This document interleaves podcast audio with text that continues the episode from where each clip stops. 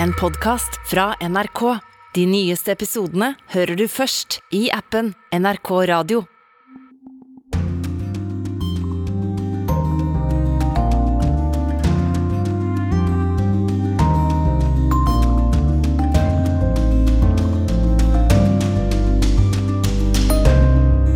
Barn i Ukraina blir skadde for livet. Diplomati skal løse Nato-flokene for Sverige og Finland. Og i Russland er rubelen den sterkeste valutaen i verden, sier Vladimir Putin. I Urix på lørdag skal vi også høre om aktivister som vil gjøre moské om til tempel i India, og at rekordmange mennesker er savna i Mexico. I Stillehavet er et diplomatisk kappløp i gang mellom Kina, USA og Australia. Vi skal teste hva den yngste generasjonen i Storbritannia vet om ei dronning som snart jubilerer, og åpne brev fra Arnt Stefansen. Her i studio er Eivind Molde. Vi starter denne sendinga i Texas. Fem dager har gått siden massakren der 19 barn og to lærere ble drepne inne i et klasserom. Mens dagene går, kommer det mer og mer informasjon om hva som egentlig skjedde. Samtidig blusser våpendebatten kraftig opp i USA. Frontene er harde. Korrespondent Lars Os rapporterer fra Texas. Foreldre står fortvila på sidelinja. Ei mor blir lagt i håndjern. De vil så gjerne redde ungene sine ut, da en 18 år gammel gjerningsperson tok seg inn på Rob Elementary barneskole på tirsdag. Politiet ankommer plassen raskt og dreper 18-åringen til slutt. Border Patrol, Consolidated ISD officers, police, sheriffs and DPS De var helter som raskt løste situasjonen, forteller Texas-guvernør Greg Abbott på onsdagens pressekonferanse fra Uvalte. Men med mer informasjon som etter hvert har kommet ut, kommer også flere spørsmål om hva som egentlig skjedde den dagen, da 19 unger i 9-, 10- og 11-årsalderen sammen med to lærere ble drept inne på et klasserom. I was on this very stage two days ago, and I was På fredag fredagen måtte guvernøren beklage. Han sier feil informasjon ble gitt av politiet involvert i massakren. Abbott føler seg løyet til og forteller han er forbanna. I am livid about what happened. Det viser seg at det gikk rundt en time fra lokalt politi kom til skolen og til gjerningsmannen ble drept. Mange eksperter forteller at standard prosedyre for politiet i hele landet er at førstemann som kommer til ei aktiv skjøtehendelse, skal bruke all makt for å stoppe trusselen, og hvis det er snakk om livet med innsats. I løpet av den timen rykka ikke politiet inn til klasserommet. Det kom fram òg at flere unger ringte politiet mens betjentene sto utafor. Til slutt kom føderale agenter fra grensepolitiet til skolen tok seg inn og drepte gjerningspersonen.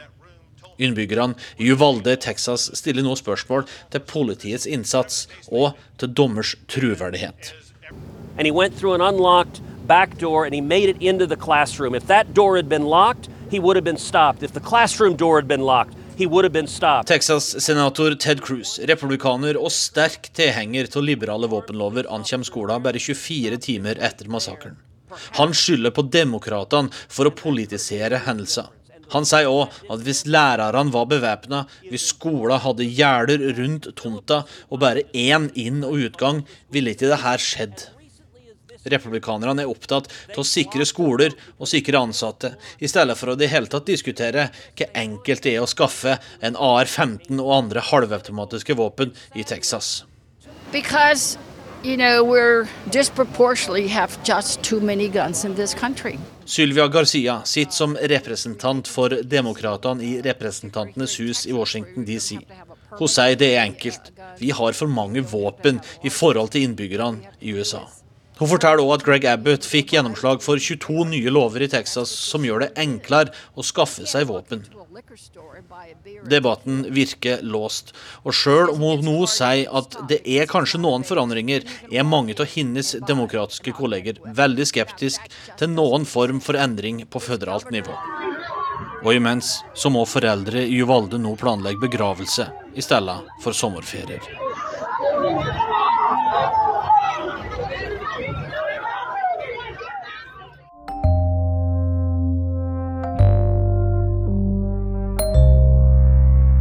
I Ukraina stiger tallet på såra og skadde sivile for hver dag som går. Mange av dem er barn. Flere har mista kroppsdeler og må nå ta fatt på et nytt liv, samtidig som de daglig blir påminnet om at de fremdeles lever i en krig.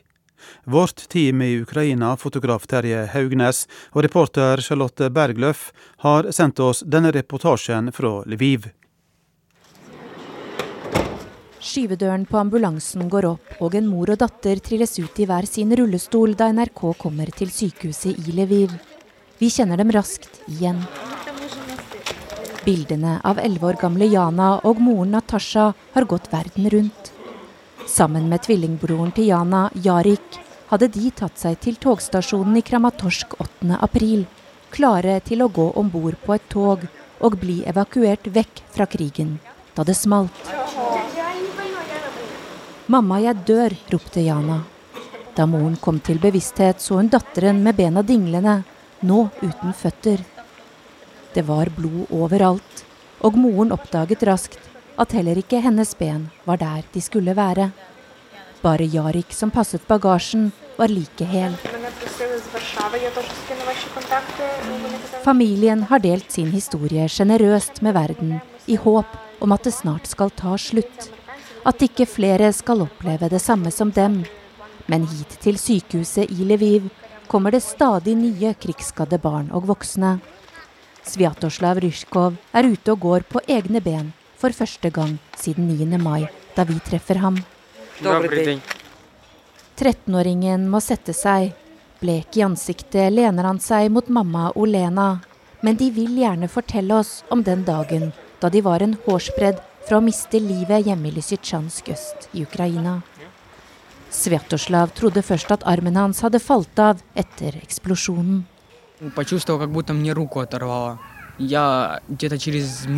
Det føltes som om armen min hadde falt av. Etter et minutt kjente jeg smerten. Jeg skrek til mamma. 'Mamma, armen min er revet av, den er revet av', forteller Svjatoslav. Så svartnet det for gutten. Men moren, som selv er sykepleier, forsto at nå sto det mellom liv og død. Jeg reagerte momentant, grep fatt i ham og så at luftrøret var åpent. Blodet fosset. Da jeg hørte åndedrettet, forsto jeg at det sto om sekunder, forteller mamma Olena.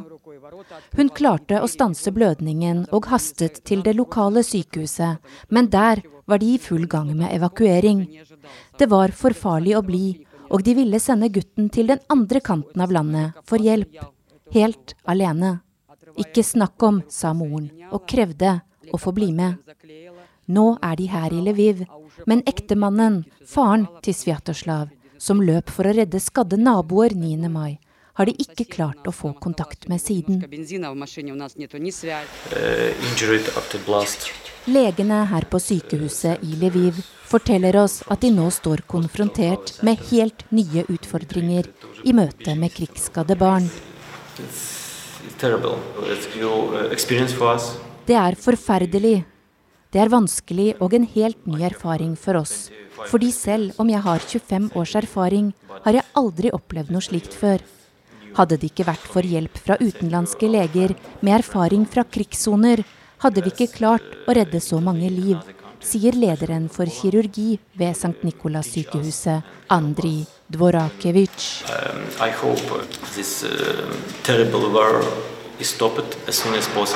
Jeg håper krigen snart tar slutt, for dette er ikke normalt. At små barn får slike skader for livet. Det er veldig hardt, sier legen. Men det er lite som tyder på seier for Ukraina med det første. Og pasientene blir stadig minnet om at de heller ikke er helt trygge her. Nå har vi akkurat kommet ut av sykehuset, og nå går flyalarmen igjen. og Da må vi bare løpe til nærmeste kjeller og søke dekning der. Flyalarmen går flere ganger i løpet av våre dager i Lviv. Både om dagen og natten.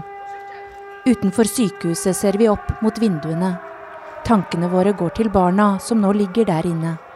Barn som ikke lenger kan løpe ned i bomberommene selv, og allerede har fått erfare hva en slik flyalarm kan innebære.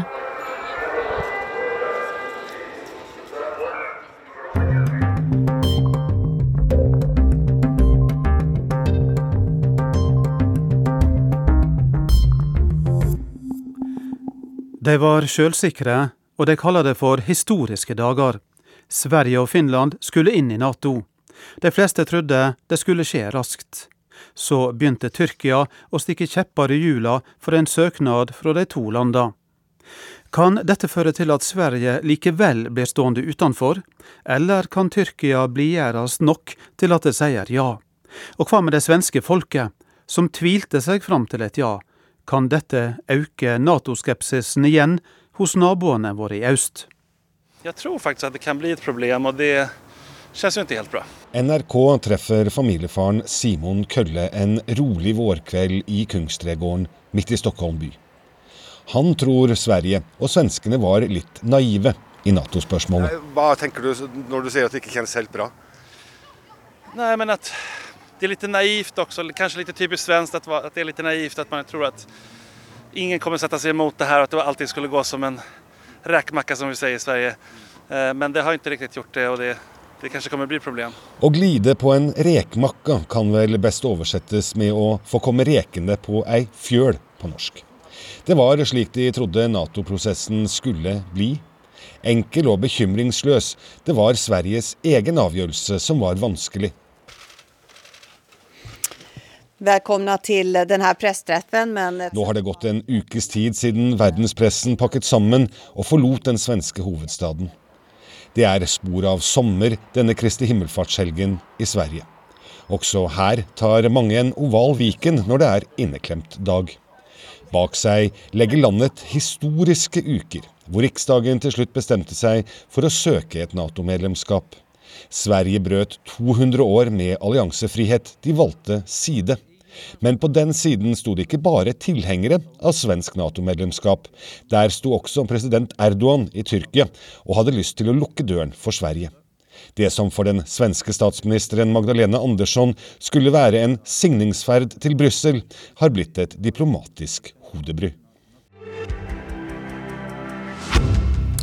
For en vecka siden handlet alt om at Sverige skal gå med i Nato.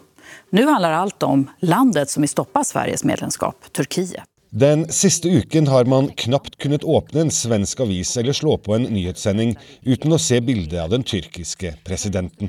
I Sverige er man veldig klar over det faktum at det trengs 30 parlament med flertall for svensk medlemskap før Nato-avtalen kan signeres. Selv om 29 land sier ja, så blir Sverige holdt utenfor om det 30. sier nei. Og det ser mørkt ut når den tyrkiske presidenten kommer med uttalelser som dette. Finlandiya ve İsveç'in girmesine hayır diyeceğimizi ilgili arkadaşlarımıza Sverige og Finland, og spesielt Sverige, er et tilholdssted for terrorister, sier Erdogan i denne talen. De har fått mange i Sverige til å riste på hodet. Hele hele İsveç kesinlikle tam bir terör odağı. For Erdogan skiller ikke mellom PKK, som er terrorlistet av EU, og dermed også Sverige, og YPG, som bl.a. var sentral i nedkjempelsen av IS i Syria.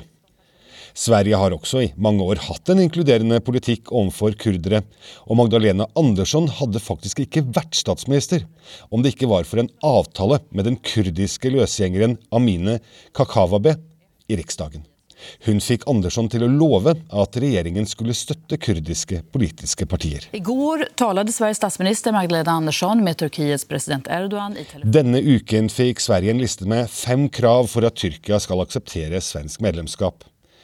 Kort fortalt kutt bånd til PKK, som Erdogan altså mener YPG er en del av, og la Tyrkia få importere våpen fra Sverige. Magdalena Andersson var raskt ute med å si at kravlisten inneholder flere feil. Hun pekte på at den økonomiske bistanden til de kurdiske områdene har vært gitt gjennom FN-organisasjoner, og at Sverige ikke har bånd til PKK. Så sendte hun statssekretæren sin til Tyrkia for å forhandle. Ürünlerine dönük yaptırımların kaldırılması yönünde bir olumlu tavrı biz gördük. Vi har sett en positiv holdning til å lette på sanksjonene på våpenutstyr i dette møtet, sier Ibrahim Kalin, som er talsperson for president Erdogan. Geçen olağanüstü NATO liderler zirvesinde dile getirdiği bir ilkeyi de burada altını çizerek ifade Under de japanske kirsebærtrærne i Kongens hage i Stockholm sitter Fredrik Westerberg og ser utover den midlertidig tørrlagte Forumfontenen. Han er bekymret for at Sverige vil gi for mye til Tyrkia, i et desperat forsøk på å blidgjøre Erdogan. Jeg forstår at ledningen vil tysta ned motstanderen. Eh, men jeg syns at vi ikke skal akseptere hva som helst av en regim. Så at jeg, jeg syns at vi, vi behøver ikke akseptere eh, Erdogans krav. Ved siden av sitter venninnen Klara von Rettig. Hun er Nato-tilhenger og har vært det hele tiden. Hennes bekymring er nå først og fremst hvordan Tyrkia som land og nasjon vil komme ut av dette. Jeg, jeg sier ja til Nato. Og jeg ønsker at Erdogan forstod hvor mange mennesker fra Turkiet som vi svensker tykker om. Men har bråket med Tyrkia fått svenskene til å tenke seg om en ekstra gang? Er det ikke så farlig med dette Nato-medlemskapet lenger? Det er ikke gjort noen meningsmåling på det, men stemningen har endret seg. Fra å være klare til å pakke ned den nøytrale fanen for godt for noen uker siden, spør stadig flere hva som var så bråhast med å få sendt søknaden. Burde ikke folk fått sagt sin mening også? Ja, nei, jeg syns nok at man skulle fundert litt mer, at det var litt stresset. Så kanskje vi enda hadde landet der, at vi går med i Nato. Men jeg tror at folket enda fortsatt er en majoritet imot. Og at man kanskje skulle spurt folket. Så du ville hatt en folkeomrøstning? Ja, absolutt. Det hadde nok vært bra. Det sa Simon Kølle til vår korrespondent Joakim Reigstad i Stockholm. Statssekretær i Utenriksdepartementet Eivind Wad Petersson fra Arbeiderpartiet, er du optimist eller pessimist etter samtalene denne veka mellom Sverige og Finland og Tyrkia? Nå er vi opptatt av at diplomatiet skal få en sjanse. Det er positivt at uh, de tre landene snakker sammen. Uh, og Det er vi optimistiske med tanke på skal bidra til å få en løsning uh, i nærmeste framtid. Har du tro på at det vil skje? Så absolutt. Det, eh, som allierte så må vi være opptatt av at vi alle har eh, sikkerhetsutfordringer, og det må vi eh, stå sammen om å håndtere. Eh, men når de tre landene får satt seg ned sammen, så er jeg optimistisk med tanke på at man kan finne løsninger på dette også. Dersom eh, Sverige og Finland nå blir med i Nato, så vil alle medlemmene i Østersjørådet være Nato-medlemmer. Dette rådet er jo sammensett av alle landene i Norden og Baltikum, samt Tyskland, Polen og EU. Eh, e og Denne veka hadde rådet sitt første ministermøte på ni år. Det ble holdt i eh, Kristiansand, og ut av det kom det ei Kristiansand-erklæring. Hva var den viktigste beskjeden der? Altså Den viktigste beskjeden var at landene i vår region nå står sammen eh, for å støtte Ukraina under den grusomme krigen som fremdeles pågår, og at vi er rede til å bistå dem når den dagen kommer at eh, Ukraina skal gjenoppbygges. Men det var jo et helt annet eh, Østersjøråd som, som møttes nå, enn det som ble dannet for akkurat for 30 år siden. Da var mye av hensikten med Østersjørådet å få, med det nye uavhengige Russland etter Sovjetunionens oppløsning med internasjonalt samarbeid i vår egen region. Eh, nå var ikke Russland med, for de ble først suspendert eh, tidligere i, i, vår, og valgte også å trekke seg ut i, i, midten av mai. Så det er et helt annet råd som, som møttes nå i Kristiansand, enn som har, eh, vært, har eksistert de siste 30 årene. Når rådet nå er i gang igjen med møtet, så er jo situasjonen rundt Østersjøen radikalt endra, med to land på vei inn i Nato, og altså Russland eh, ute. Hva kan rådet bidra med i denne situasjonen, og hva slags eh, funksjon har dette rådet nå framover? Ja, rådet har aldri hatt en eh, tydelig sikkerhetspolitisk funksjon. Altså, det har vært et nyttig samarbeid for å håndtere utfordringer som f.eks. For forurensning i Østersjøen, som man er helt avhengig av samarbeid om. Det har vært godt samarbeid om å bekjempe trafficking, menneskesmugling menneskesmugling i regionen, som dessverre har vært et altfor stort problem lenge. Nå eh, forandrer jo hele dette samarbeidet natur når, når, Russland ikke er med. Det er eh, en samling nå av våre nesten aller mest likesinnede eh, land. Vi deler interesser og verdier. når det eh, mye vi kan samarbeide mer om. I første rekke eh, i den akutte situasjonen Europa og regionen vår står oppe i, så er det om å støtte Ukraina under den brutale krigen som fremdeles pågår. Østersjøen nå på mange måter blitt uh, uh, mer viktig enn før? Ja, Det kan man si. For Nato f.eks. så er jo Østersjøen nå i ferd med å bli en Nato-innsjø. Selvfølgelig da med unntak av Kaliningrad og St. Petersburg, men det er et helt annet geografisk sikkerhetspolitisk bilde i vår region, vår del av verden. Og tydelig at alle landene også nå blir medlemmer av Nato. Det bidrar også til stabilitet og forutsigbarhet i vår egen region, og det er bra for Norges sikkerhet. Når det er krig og konflikt, så er det jo ekstra viktig å ha en god dialog. Hva må til for at Russland kan komme inn igjen i varmen? Første åpenbare forutsetning er at de slutter med denne brutale angrepskrigen mot Ukraina. Eh, så er det heller ikke til å legge skjul på at innenrikspolitisk Russland har tatt store nye skritt i, feil retning. Fra å være et autoritært regime til å stadig ligne mer på et totalitært regime. Så en, en, retur til normalen og, og, og, mer ordinært internasjonalt samarbeid med Russland ser dessverre ikke mulig ut med det, med det første. Og nå skal det handle om den russiske rubelen, som i det siste har vært den sterkeste valutaen i verden, ifølge president Vladimir Putin. Litt etter at Russland satte i gang krigen i Ukraina, var bildet det stikk motsatte. Men russiske styresmakter setter inn en rekke tiltak for å motverke vestlige sanksjoner og verknaden de hadde på rubelen. Det har vist seg å være effektfullt. Korrespondent Jan Espen Kruse tar oss med til Moskva. Folk eh, går eh, ut og inn av en eh, filial til den russiske sparebanken her i sentrum av Moskva. De fleste jeg snakker med her, de har fått med seg at kursen på rubel i forhold til utenlandsk valuta nå er veldig sterk. Og at i løpet av de siste ukene så har faktisk den russiske rubelen vært den sterkeste valutaen i hele verden. Og de fleste sier at det tror de er ganske bra for deres økonomi. Jeg synes dette er veldig bra. Det er vår valuta det dreier seg om, i vårt land, sier denne mannen. Han tror at situasjonen i Russland bare vil bli bedre etter hvert. De vestlige straffetiltakene vil føre til at den russiske industrien vil utvikles videre, mener han. Jeg har noen dollar og tenkte at jeg skulle veksle dem inn for en tid siden. Men nå er det blitt for sent, sier denne mannen, litt skuffet. Men den russiske presidenten, han er fornøyd.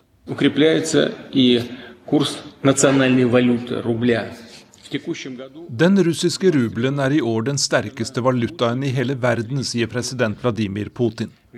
Litt etter at han satte i gang krigen i Ukraina, falt verdien av rubelen først som en stein. Da kostet en amerikansk dollar 120 rubler. Så satte myndighetene inn diverse tiltak for å styrke den russiske valutaen. Og i forgårs kostet dollaren 56 rubler.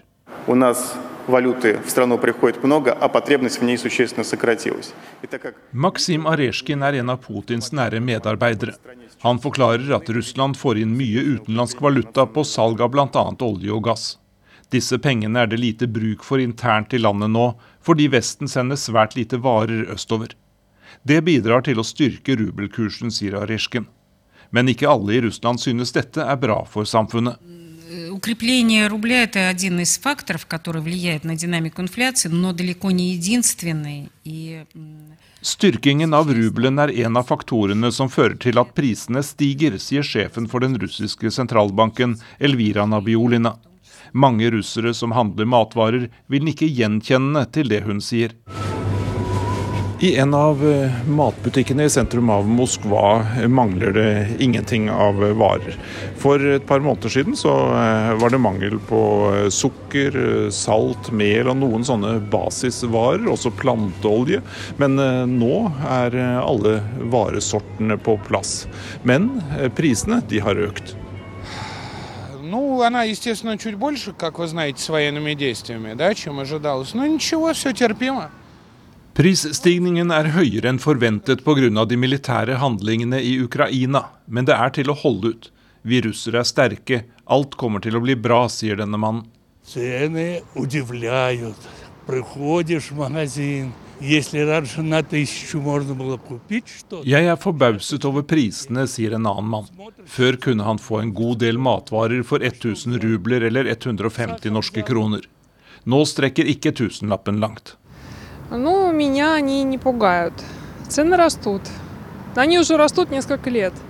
Jeg blir ikke skremt av prisene. De øker hele tiden og har gjort det i flere år. Ikke bare i Russland, men i hele verden, sier denne kvinnen. I forgårs rapporterte russiske medier at styringsrenta ble satt ned fra 14 til 11% Det ble gjort for å svekke rubelen noe i forhold til annen valuta. Det virket, for i går kostet 1 dollar 66 rubler. Russere som vil veksle til seg eh, utenlandsk valuta, har det ikke så veldig enkelt for tiden. I eh, Sparebankens filial så får jeg vite at eh, i hele Moskva så kan det bare veksles inn utenlandsk valuta for 7000 dollar per dag. Og rådet jeg får hvis jeg vil ha amerikanske dollar eller annen utenlandsk valuta, det er å stille veldig tidlig i bankfilialen, tidlig om morgenen, for da er det kanskje noen pengesedler å få.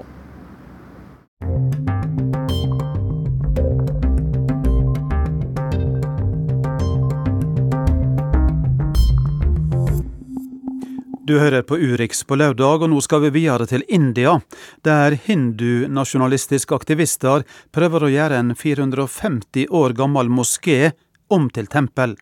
Nylig var saka i retten. Nå frykter mange at dersom aktivistene ikke vinner fram, vil de storme moskeen. Livet til de 200 millioner muslimene er blitt stadig vanskeligere i statsminister Modi sin regjeringstid. Bønneropet fra moskeen gjaller ut i hinduenes hellige by Varanasi. I 450 år har muslimer og hinduer bedt til sine respektive guder vegg i vegg. Nå kan det være slutt. In my childhood, I was used to, to go to Gyanvapi Mosque along with my Hindu friends. Da jeg var ung, pleide jeg å gå til Gyanvapi-moskeen sammen med mine hinduvenner. De ba i Vishnu-tempelet ved siden av, og etter bønnen hang vi sammen i tempelet. Jeg tilhører nok den siste generasjonen av muslimer som har vært inne i tempelet. Nå er det ingen som tør å vise seg der. Det forteller en sosialarbeider i Varanasi. Hinduaktivister ønsker at moskeen skal bli omgjort til et tempel fordi det var et tempel på 1600-tallet. De vant saken i retten, men tapte da saken ble anka. Nå frykter mange at mobben, oppfordret av statsministerens hindunasjonalistiske politikk, skal ta saken i egne hender og storme moskeen, sier Katinka Frøystad, professor ved Universitetet i Oslo. Jeg er bekymret for det som skjer nå, fordi hvis hinduaktivistene ikke får viljen sin i rettsapparatet, så har de nå full anledning til å storme moskeen, fordi et av Modis første prosjekt da han valgte valget i 2014, var å rydde området rundt moskeen for hus, butikker og andre bygninger som sperret veien. Så nå er adkomsten veldig enkel, og det skal ikke mer til enn at uh, man setter veldig få politifolk på vakt den dagen, før en eventuell folkemengde kan storme moskeen og rett og slett rasere den. Under regjeringsperioden til statsminister Narendra Modi har det blitt stadig vanskeligere å være muslim i India. I tillegg til diskriminerende lover og manglende beskyttelse av religiøse minoriteter, har hindunasjonalistiske ekstremister fått lov til å marsjere ustraffet. De veivet med kniver og sverd. Da de passerte moskeen, ropte de hvis du ønsker å forbli i India, rop ram eller dra til Pakistan, forteller Hashmodin til nyhetsbyrået Reuters. Han var vitne til den voldelige hindumarsjen i New Delhi i april. Et av de mange religiøse sammenstøtene i India denne våren. Skritt for skritt så er jo India i ferd med å bli en nasjon som legger mer til rette for å ivareta den hinduiske majoriteten i landet. Og i den prosessen så blir den muslimske minoriteten særlig mer og mer skvisa skritt for skritt, og dette er et av skrittene. Muslimer er redde for å uttale seg kritisk om Indias nye lover, enten det dreier seg om forbud mot bønnerop, mot slakting av dyr eller mot interreligiøse ekteskap. Sosialarbeideren NRK snakker med i Varanasi ønsker ikke at navnet hans skal bli kjent. Muslim Muslimer som uttaler seg kritisk, blir stempla som terrorister eller bedt om å dra til Pakistan. Ansatte i Gyanwapi spyler moskeens fontene. Byens domstol beordra et videoteam ut hit for å kartlegge hva som befant seg nede i fontenen. De fant en fallos som symboliserer hinduguden Shiva. Den muslimske småbarnsfaren i Varanasi tør ikke vente på hinduekstremistenes neste trekk. Min kone og mine barn skal forlate India. Jeg tør ikke å la de vokse opp her. Selv om det er eksempler på at domstolene har kommet med kjennelser som favoriserer hindunasjonalister, er det fortsatt håp for det indiske rettsvesenet. Fortsatt er det slik at Indias høyesterett har en uavhengighet som gjør det mulig for Høyesterett å sette bremser for Indias eh, Modi-regjering, sånn at ikke de kan eh, gjøre alt de egentlig har lyst til. Sa Katinka Frøystad til reporter Sofia Paskiewicz. Nå til en dyster statistikk i Mexico. For første gang er det registrert 100 000 mennesker i det offentlige registeret over personer som er savna i landet. Organiserte kriminelle står bak, men ofte i samarbeid med ansatte i det offentlige. En av de savna er den 41 år gamle miljøaktivisten Irma Galindo, som ble trua på livet, og som forsvant da hun slo alarm om truslene. På en liten barneskole sør i Mexico øver elevene på å uttale vokaler. Skolen ligger i Mixtec-regionen som er kjent for enorme granskoger. Skogene her utgjør 35 000 kvadratkilometer. Læreren og elevene her har lært mye om å ta vare på naturen.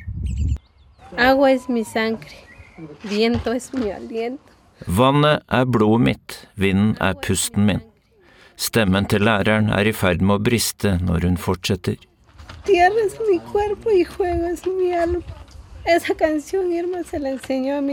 Jorda er kroppen min, flammene er sjelen min.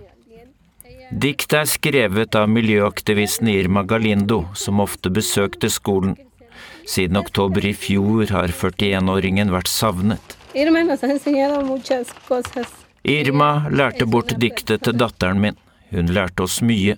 Irma levde i ett med skogen, sier læreren. Irma Galindo begynte å få trusler for fire år siden fordi hun avslørte storstilt ulovlig hogst. De første truslene kom fra lokale myndigheter.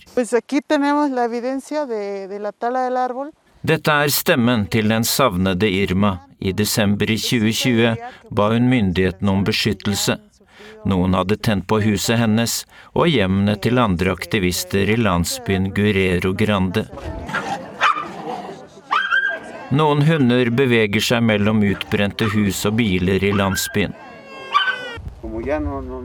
I oktober i fjor skrev Irma Galindo et brev om at hun var redd for å miste livet. Nyhetsbyrået Reuters har sett brevet. Irma Galindo iba a una reunión a la Ciudad de Ingen har sett Irma etter at hun dro til Mexico by 27. oktober i fjor for å snakke om frykten hun bar på. Det sier Maurilio Santiago Reyes. Han er leder for et menneskerettssenter i regionen. para que se le otorgaran medidas de protección. Datter, hør etter, moren din leter etter deg fortsatt. Det roper kvinner i et protesttog i hovedstaden.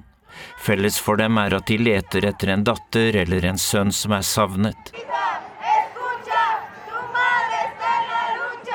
De bærer bilder av barna sine og krever at myndighetene må gjøre mer for å finne de savnede.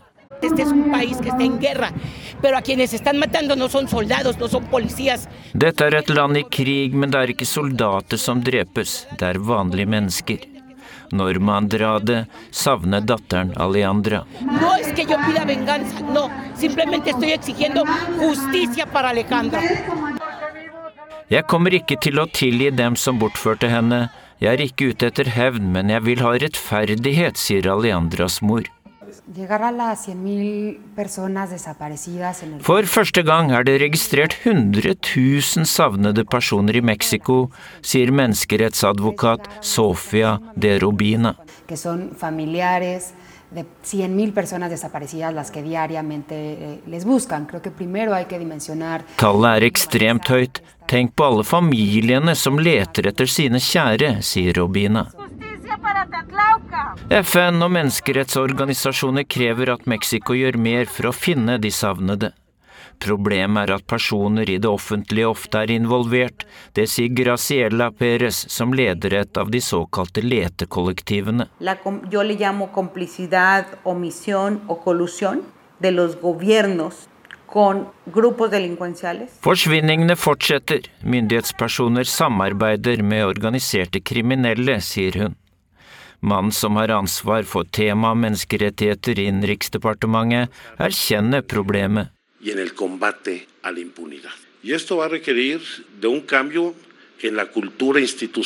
Vi må bekjempe straffrihet, som er blitt til en ukultur blant myndighetspersoner, sier Alejandro Encinas. Han er ikke konkret om savnede, men viser til at offentlig ansatte er involvert i 45% av trakassering og angrep rettet mot journalister og aktivister. Mai måned er ikke for å feire. Mai er for å slåss og protestere, roper demonstrerende mødre.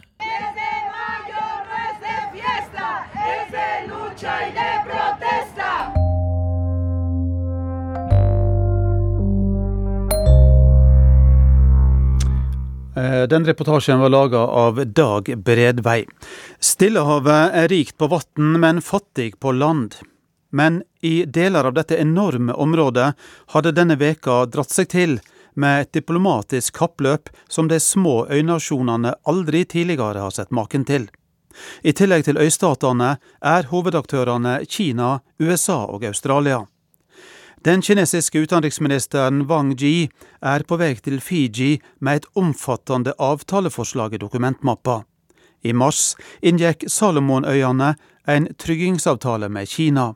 Avtalen som Wang Ji nå legger fram, kan omfatte så mange som ti øynasjoner.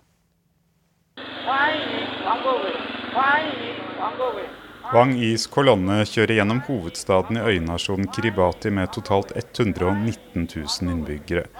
Langs veien står folk og vifter med Kiribatis og Kinas flagg og roper velkomstrop. Kiribati i dag, Salomonøyene i går, de to første av i alt åtte øyer. Kinas utenriksminister kan være i ferd med å sette ny personlig og kinesisk rekord i diplomatisk øyhopping. I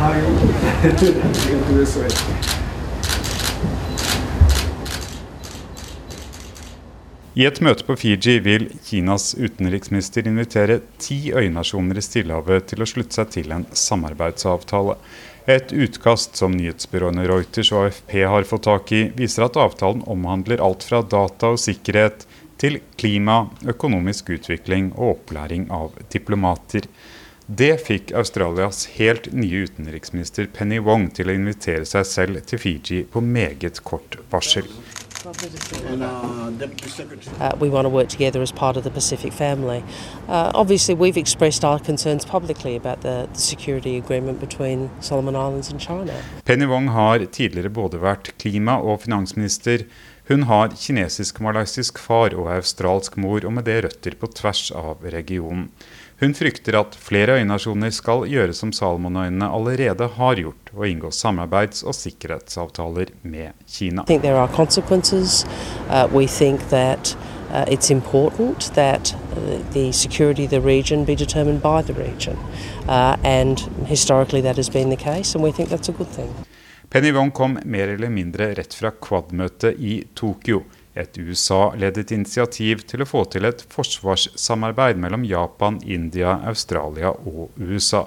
De fire deler et ønske om å demme opp for Kinas styrkeoppbygging i Stillehavsregionen.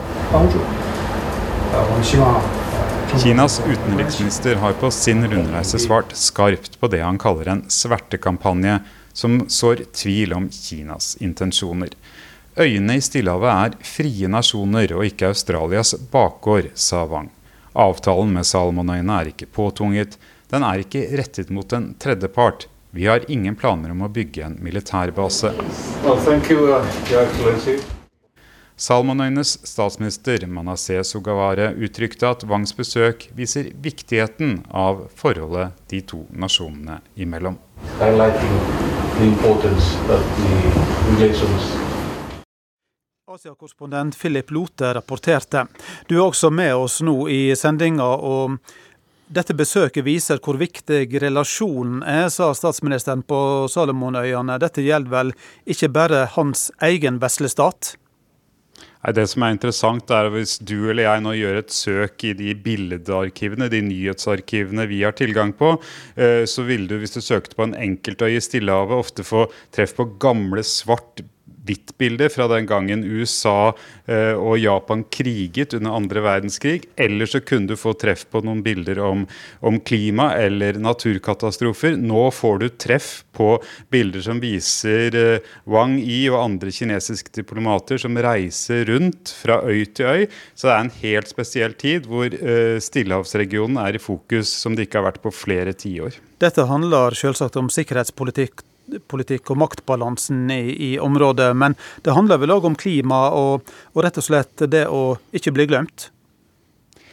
Ja, det er jo sånn at uh, som du selv har rapportert fra for mange av de klimatoppmøtene du har vært på, så er jo lederne på disse øyene her overbevist om at de vil bli rammet av klimaendringer. At dette handler om deres overlevelse. Uh, og det Kina tilbyr, er jo uh, å hjelpe disse landene med å forberede seg rett og slett på at havet stiger, og at de kan da se sin eksistens noe mindre eh, truet. Og mye av dette skjer jo da i lyset av at f.eks.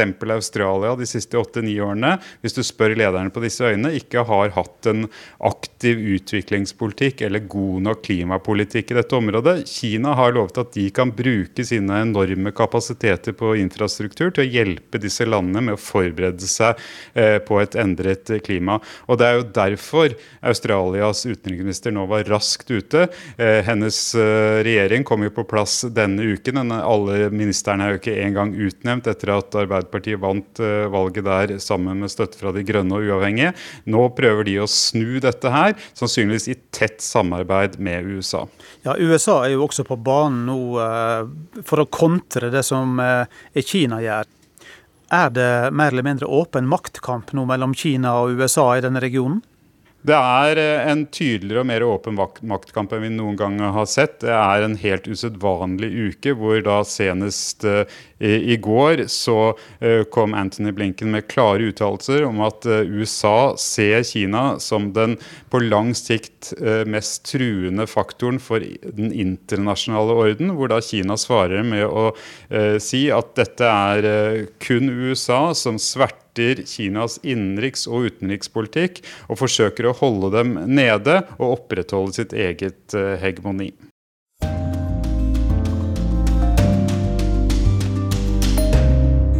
Neste helg feirer britene at Elisabeth 2. har vært dronning i hele 70 år. Den store folkefesten starter allerede torsdag, og skal vare fire dager til ende. Så lenge har hun vært monark at få briter husker noen annen, eller kan se for seg noen annen person på den britiske trona. Vår korrespondent på de britiske øyene tok en liten test på den yngste generasjonen briter. Are you ready? Yeah. Oh, I know. The, the Queen. Queen Elizabeth. Fatima på åtte og Frankie på sju kjenner sin dronning. Vi har avbrutt leken i parken for de to vennene fra London for å leke en helt annen lek. Vi har med bilder av dronning Elisabeth og noen flere for å teste hvem de aller yngste britene kjenner til. Um, I know she's very old and she has been the for a couple years now. Hun er veldig gammel og har vært dronning et par år nå, sier Fatima Magnuago Bessetfar. Men hvor gammel er veldig gammel? Frankie, med det passende etternavnet Royal, prøver seg. Um, 49, Vel, fasit er 96, og kommende uke feirer britene at hun har vært dronning i hele 70 år. 70 år. Øvelsene er for lengst i gang til den storstilte feiringen av dronning Elisabeth. De kan sin pomp og prakt, men et platinajubileum har de ikke feiret før.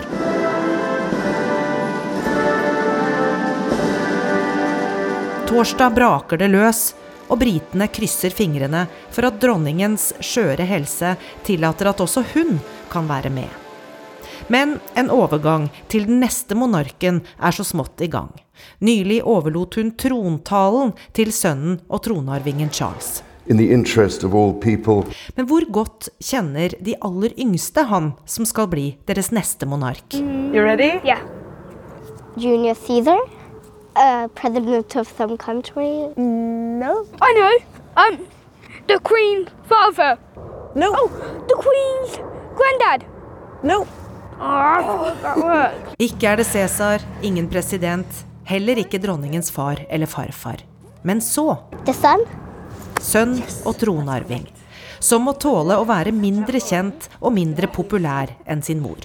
Mens over 80% av britene har et positivt inntrykk av dronning Elisabeth, har bare 56% det samme inntrykket av den kommende kongen, ifølge popularitetsmålingen til YouGov. Um, He's been a king for a month. Frankie Royal foreslår at Charles bare blir konge i én måned.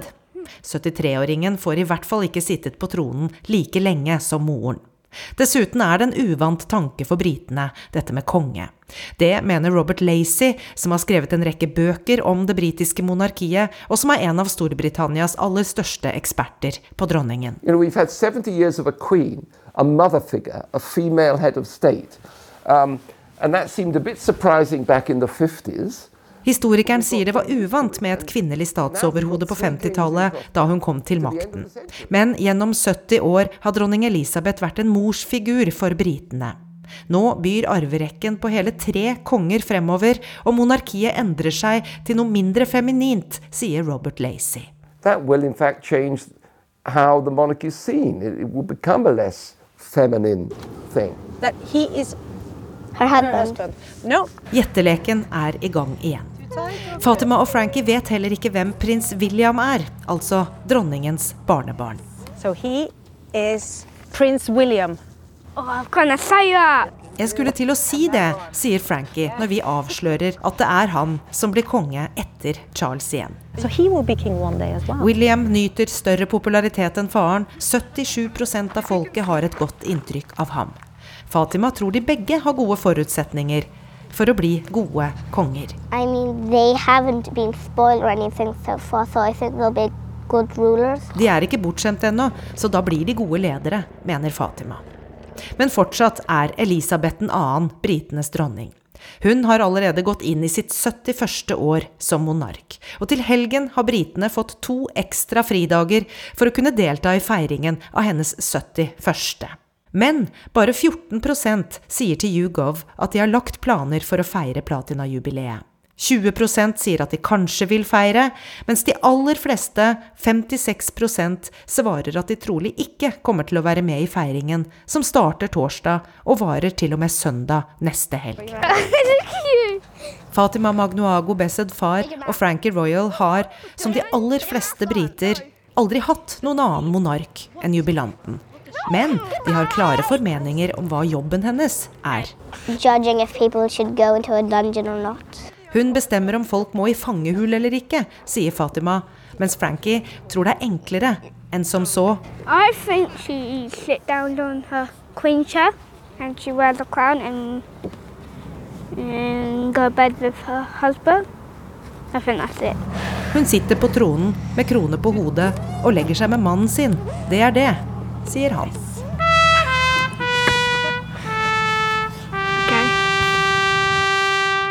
Det møter vennene Fatima og Frankie også i Søndagsrevyen på TV i morgen kveld.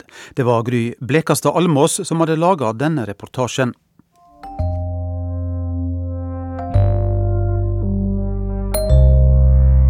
Så er det tid for korrespondentbrevet, som er skrevet av vår medarbeider i Rio de Janeiro, Arnt Stefansen.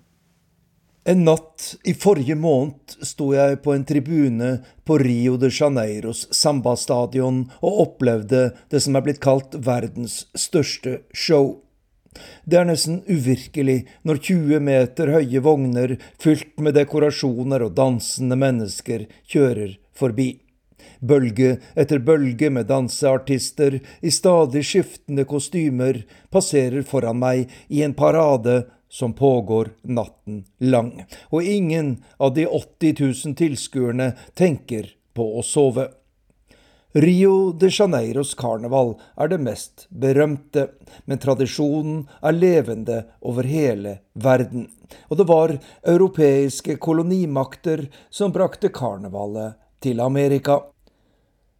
I Brasil tok man opp skikken fra Portugal med en trudo, en hemningsløs gatefest der folk kastet vann og søle på hverandre. Det første offisielle karnevalet ble holdt i Rio de Janeiro i 1840. Et maskeball etter mønster fra Venezia og Nis, der folk svinget seg etter tidens europeiske motedanser, vals og polka. Men dette var et karneval for den hvite overklassen. Karnevalet vakte likevel stor begeistring også blant de fattige særlig blant frigitte slaver som holdt sine egne fester, inspirert av afrikanske rytmer og ritualer. I løpet av noen få tiår hadde tradisjonen spredt seg over hele den såkalte nye verden, fra Argentina til Nord-Amerika. Og det var etterkommerne etter slavene fra Afrika som ga karnevalet i denne delen av verden sitt høyst særegne preg.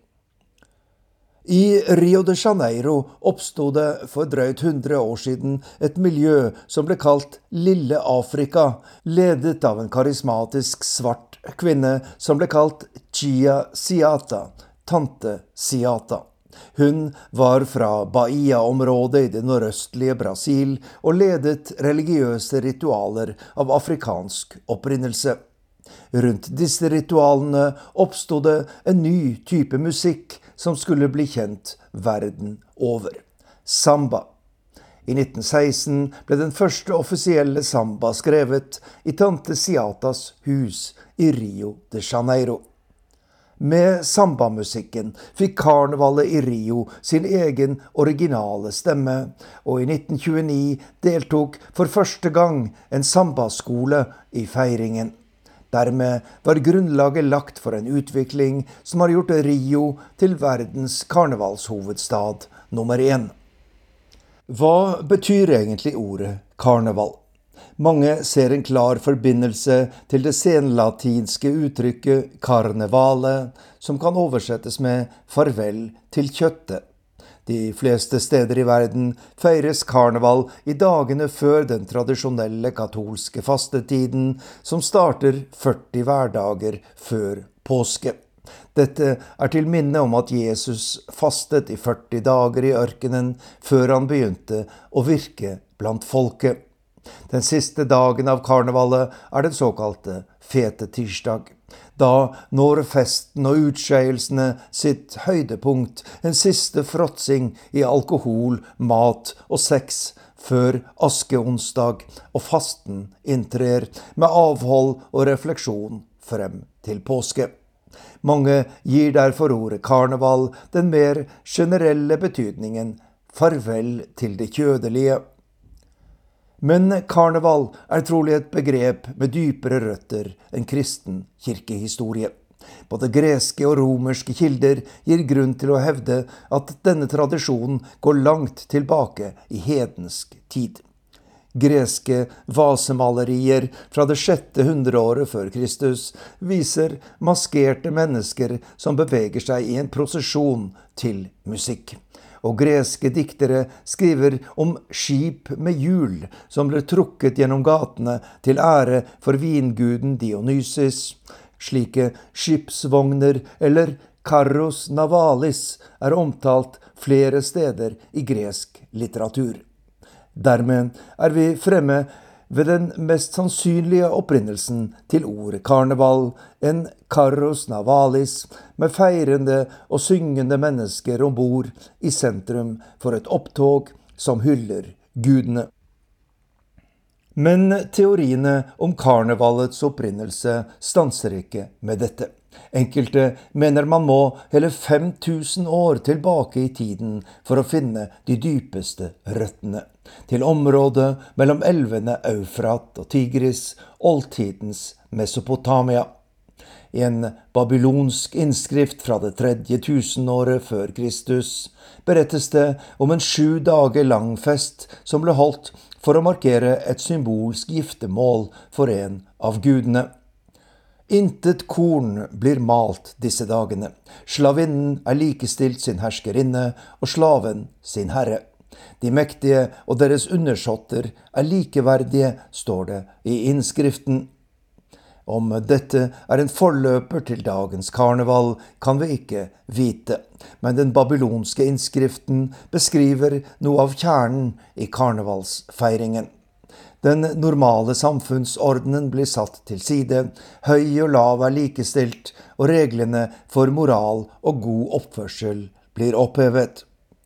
Under romernes feiringer for Saturn, de såkalte saturnalier, deltok folk fra alle samfunnslag. Slaver og frie menn byttet roller og satt ved samme bord der de åt og drakk av hjertens lyst. Beskyttet av masken kunne alle si det de ville uten å bli straffet. Under feiringen ble det kronet en midlertidig konge som skulle ha makten i disse dagene. Denne tradisjonen med en karnevalskonge er levende den dag i dag, bl.a. i Rio de Janeiro, der ordføreren overleverer byens nøkler til kong Memo når karnevalet starter. Og det var Urix på lørdag. Teknisk ansvarlig for sendinga Jens Jørgen Dammerud. Produsent Anne Skåseth, Og her i studio Eivind Molde.